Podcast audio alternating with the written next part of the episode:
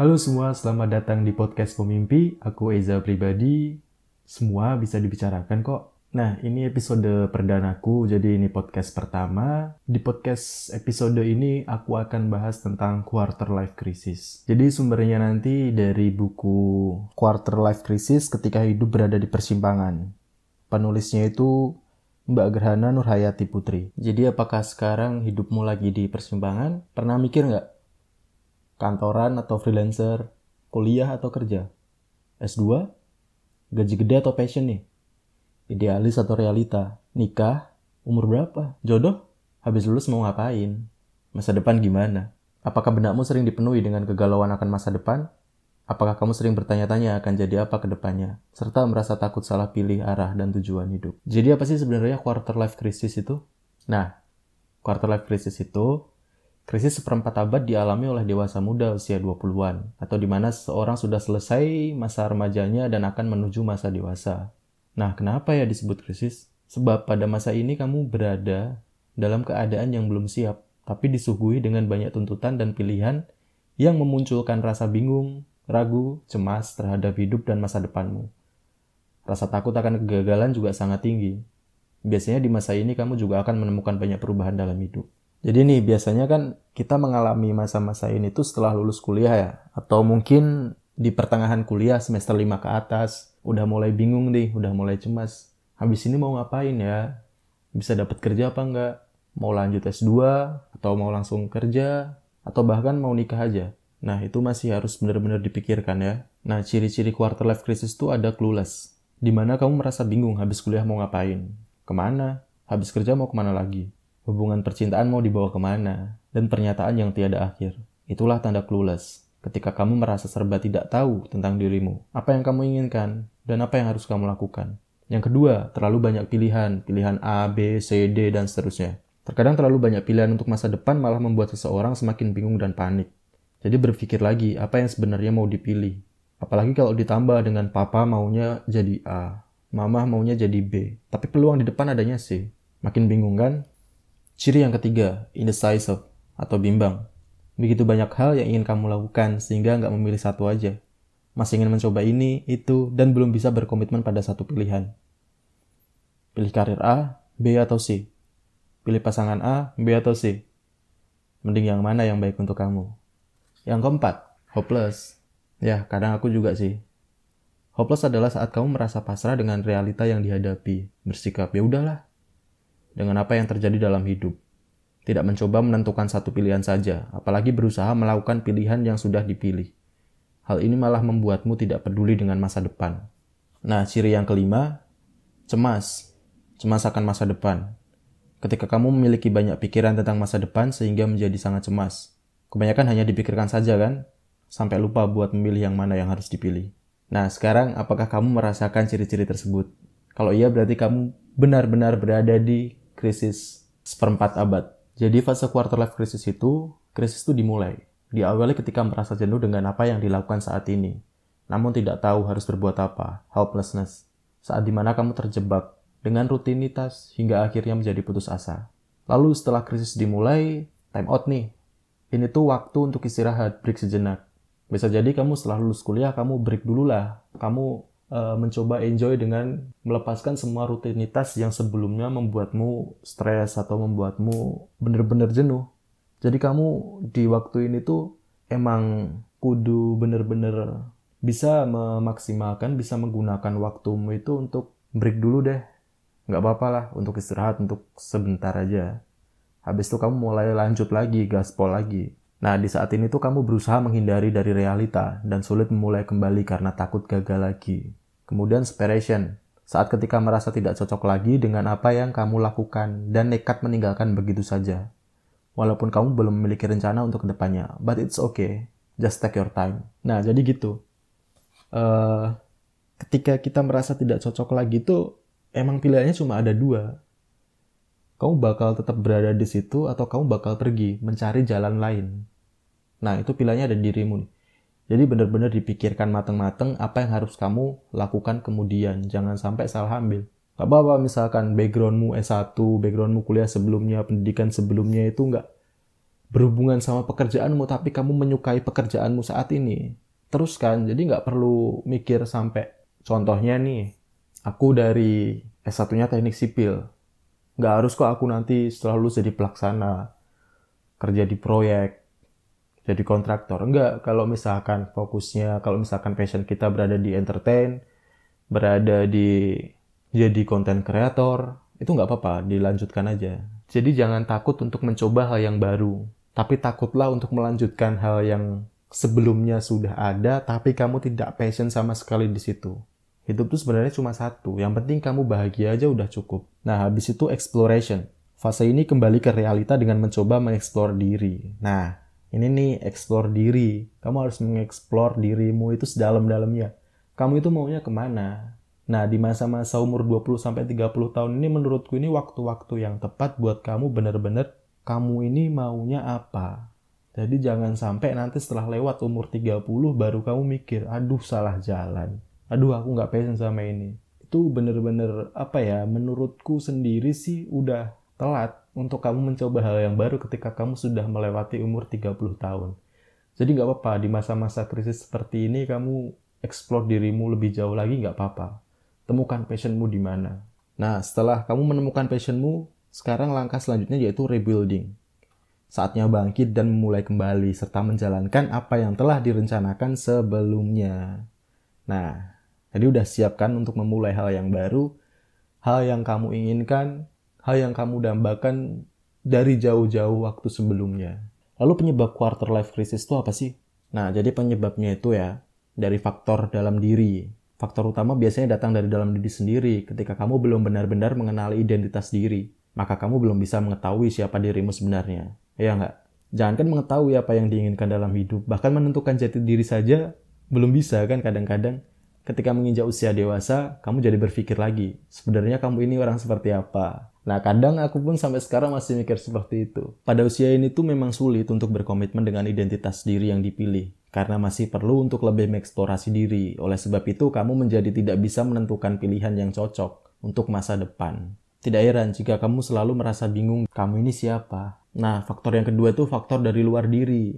Kadang-kadang kita dengar tuh dari mungkin dari orang tua. Waktu mama seusia kamu, mama udah mandiri loh, gini gini gini. Sekadang pas papa seumuranmu tuh udah cari uang sendiri dan sebagainya. Jadi di situ kamu merasa mungkin kamu merasa minder atau merasa kok aku nggak seperti nggak bisa seperti mereka. Kok aku masih gini-gini aja. Kadang kamu mungkin juga lihat temanmu yang seusiamu udah sukses, sudah bisa melakukan ini, ini, ini, tapi kamu masih berada di titik yang kamu anggap itu masih jauh dari kata apa yang kamu inginkan. Nah, faktor dari luar diri itu bisa dari keluarga, bisa juga dari social clock. Umur 28 kok belum nikah, lulusan univ bagus kok kerjain di situ. Terkadang kamu juga terbebani tuh sama patokan masyarakat. Bener gak sih? Kadang kamu terbebani dengan tetangga yang ngomong A, B, C, dengan teman-temanmu yang ngomong A, B, C. Nah, kalau menurutku nggak usah diperhatiin kayak gitu, omongan-omongan kayak gitu itu. Hidupnya kamu yang menentukan. Jadi kamu bebas memilih kamu itu mau hidup seperti apa.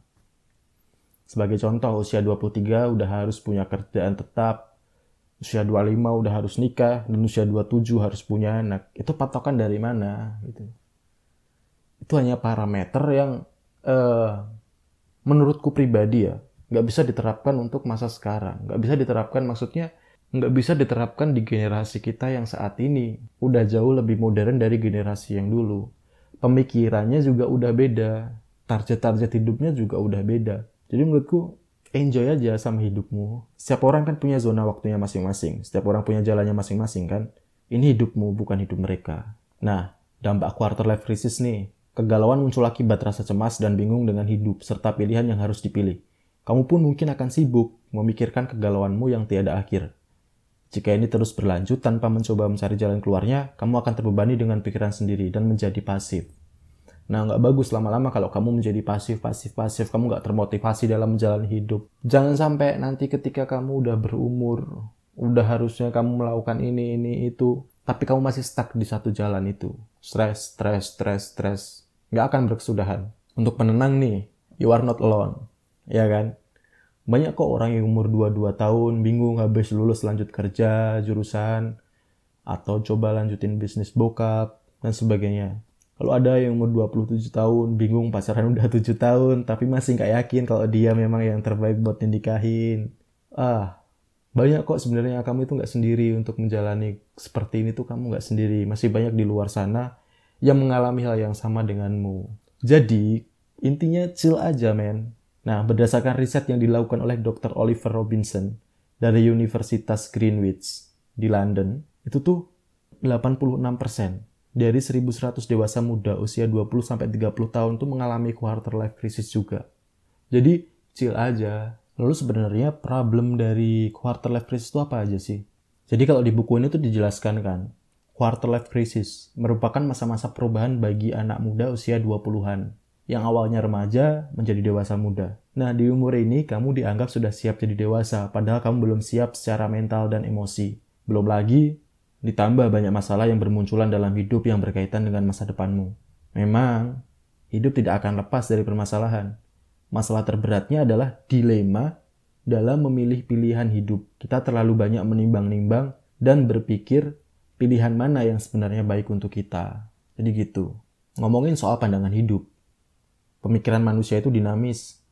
Semakin bertambahnya usia, mereka akan semakin sering mengkritik sesuatu dan memikirkan hal-hal yang sebelumnya tidak terpikirkan. Paham gak di sini?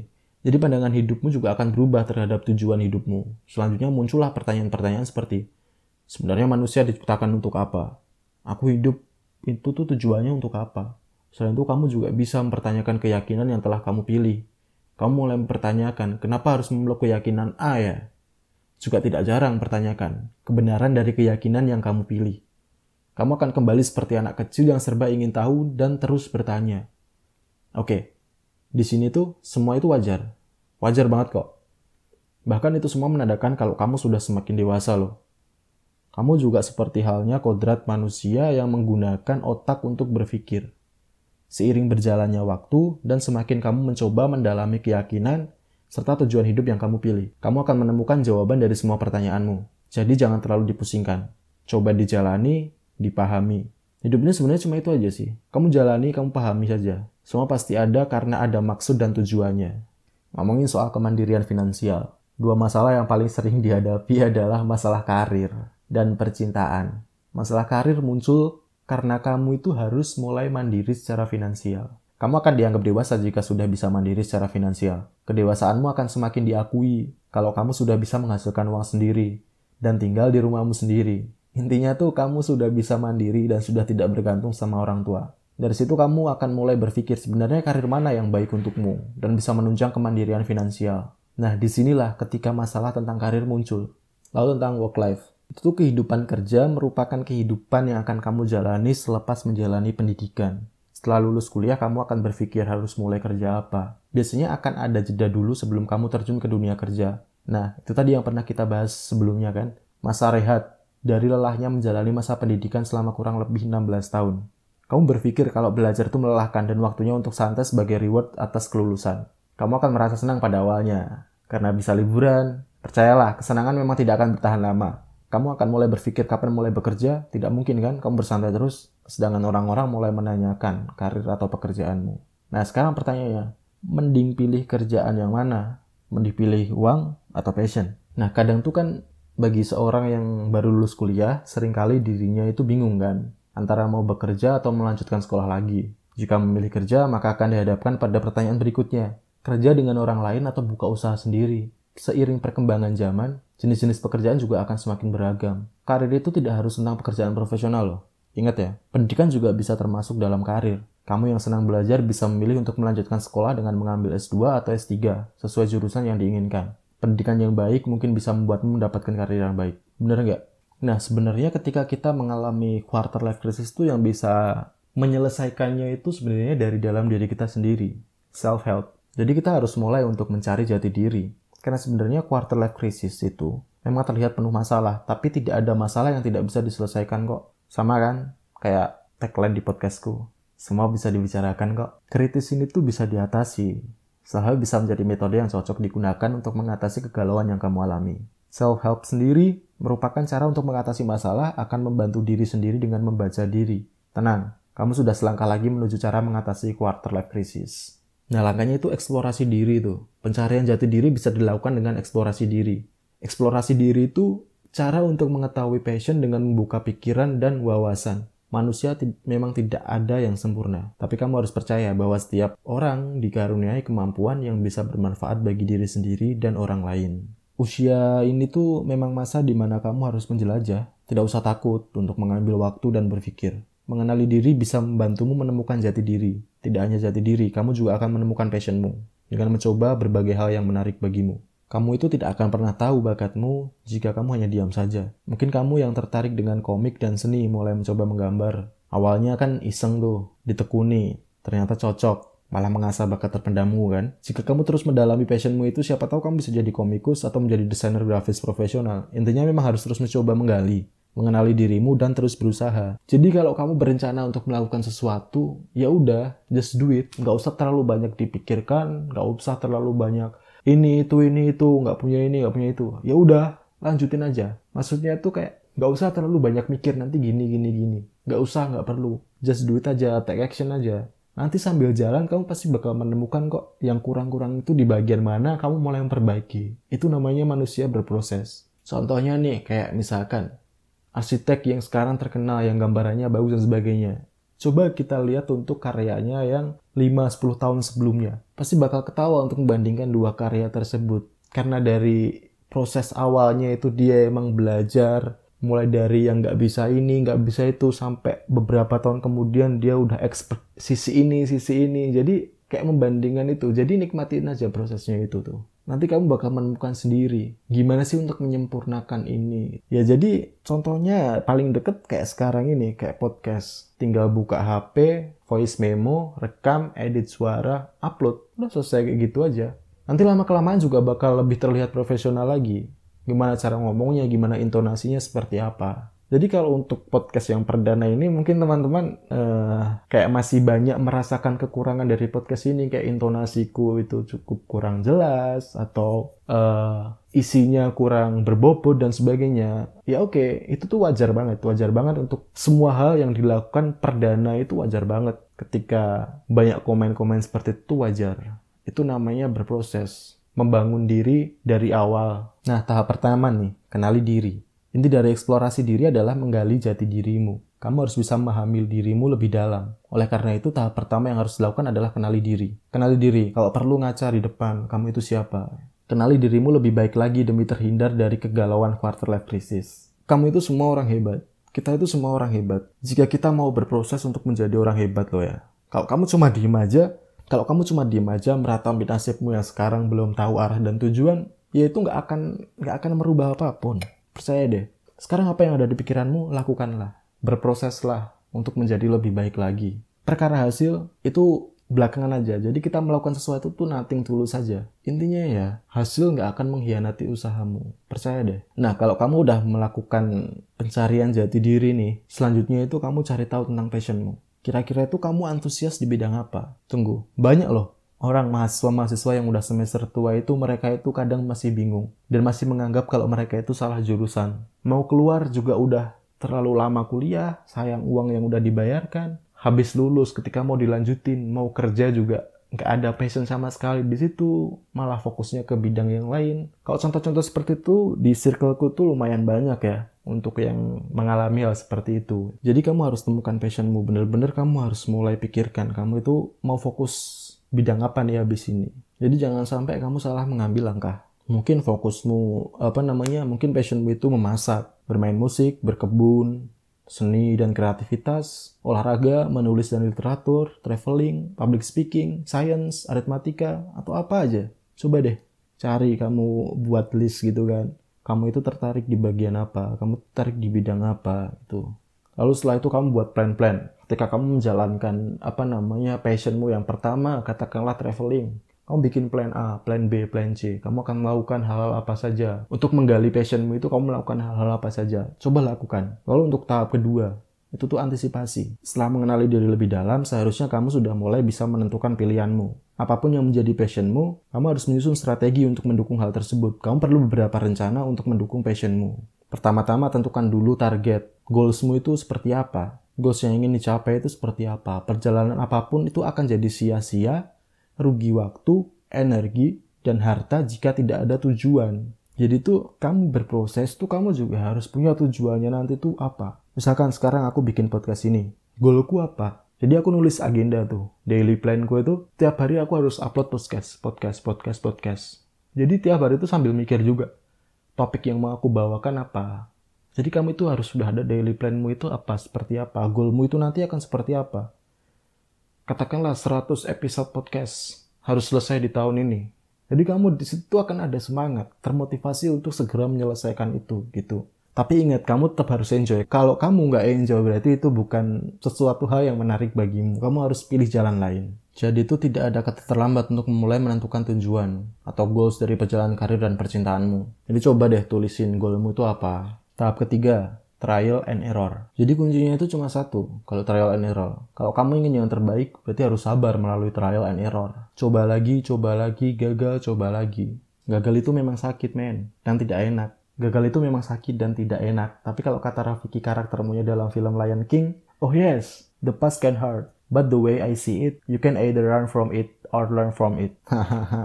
Jadi sekarang untuk yang terakhir, bagian terakhir kan tips-tipsnya nih. Stop comparing and start doing. Perjalanan mencapai suatu tujuan memang tidak gampang, tapi kunci sukses adalah sabar dan harus fokus.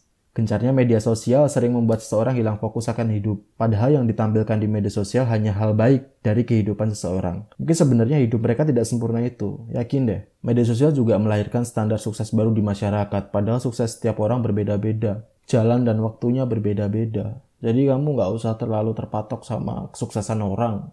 Terus kamu bandingkan sama dirimu, ya jelas beda. Kalau kamu kayak gitu, stres yang ada. Bertumbuh enggak, stres iya. Ingat, setiap orang punya potensi, passion, dan pilihan hidup yang berbeda-beda. Kamu tidak harus memiliki arti sukses yang sama dengan orang lain, karena semua orang mempunyai arti suksesnya masing-masing. Jangan lupa juga untuk mengapresiasi diri sendiri atas apa yang telah kamu capai. Selain itu, cukup jadikan hal baik dari hidup orang lain sebagai inspirasi, agar kamu jauh lebih semangat. Gitu. Lalu fokus pada tujuan itu memang penting. Tapi jangan lupa nih, kalau manusia adalah makhluk sosial. Cari support system, bangun support system dan dukungan moral dari orang-orang terdekatmu juga sangat dibutuhkan. Makanya kamu perlu menjalin hubungan yang baik dengan mereka. Yang terakhir nih, cara mengatasi quarter life crisis. Pertama, berdoa. Dekatkan diri sama Tuhan menurut keyakinanmu. Berdoa dapat memberikan ketenangan jiwa. Semua cobaan hidupmu diberikan oleh Tuhan dan sudah pasti Tuhan yang punya memberikan solusinya. Ekspresikan diri. Tidak ada salahnya untuk berhenti sejenak dan menangis, meluapkan ketermasan, keresahan, atau apa yang dirasakan. Ini bukan berarti kamu lemah atau cengeng, tetapi hal ini bisa meringankan bebanmu juga asal jangan sampai berlarut-larut. Yang ketiga, kumpul sama teman lama. Coba deh siapin waktu untuk reunian teman lama. Kehidupan yang kalian pilih pastinya berbeda-beda. Dari situlah kalian bisa saling berbagi pengalaman untuk mendapatkan informasi-informasi baru atau solusi dari kegalauanmu. 4. Coba hal baru. Di luar rutinitas sehari-hari, coba cari aktivitas baru untuk refreshing, seperti gabung komunitas atau kursus. Ya, hal yang membuatmu lebih enjoy lagi untuk menjalani hidup. Kalau kamu ada sedikit tabungan, mungkin kamu bisa melakukan langkah yang kelima, traveling, cuci mata, segarkan pikiran di tempat baru, bertemu dengan orang baru, atau suasana baru. Traveling bisa menambah wawasan juga kan? Recommended banget buat kamu lakuin. Kalau kamu pengen mengeksplor dirimu lebih jauh kemampuanmu itu seperti apa untuk bersosialisasi di luar. Lalu yang keenam, mencari mentor. Mentor yang baik itu bisa menginspirasi dan menyegarkan pandanganmu akan hidup, karir, dan percintaan. Atau kamu bisa mencari role modelmu itu siapa. Kamu bisa uh, mengambil hal baik dari dalam dirinya untuk kamu terapkan dalam hidupmu. Lalu yang terakhir, kamu bisa menemui psikolog. Kalau krisis itu sangat membebanimu dan mengganggumu dalam beraktivitas, menemui psikolog itu bisa jadi opsi mengatasi quarter life crisis. Jadi kalau pergi ke psikolog untuk berkonsultasi itu tidak menandakan kamu sakit jiwa kok. Justru psikolog bisa membantumu mengatasi masalah yang sedang kamu hadapi sekarang. Oke teman-teman, jadi intinya itu kamu harus semangat, kamu harus berkarya, kamu harus maju untuk hidupmu yang lebih baik lagi. Aku yakin kita semua bisa melalui quarter life crisis ini tuh dengan sangat baik. Ke depan hidup kita akan sukses sesuai dengan apa yang kita impikan. Oke, okay? jangan lupa tetapkan target, tetapkan goals, menjadi manusia yang berkembang, nikmatin proses yang ada. Pokoknya tetap semangat buat kita semua. Nah, jadi kalau uh, kalian mau baca bukunya secara full, kalian bisa langsung beli judulnya Quarter Life Crisis ketika hidupmu berada di persimpangan. Itu penulisnya Mbak Gerhana Nurhati Putri konsultasi ahlinya itu sama Yuli Stephen, Master of Psychology. Kalian bisa beli di Gramedia atau di toko-toko buku lainnya. Yang pasti kalian harus beli yang original. Oke? Jangan biasakan untuk membeli buku yang KW. Hargai penulis, hargai karya mereka. Nah, jadi podcast perdanaku cukup sekian dulu. Jangan lupa subscribe dan nikmati podcast-podcastku selanjutnya. Oke, see ya guys.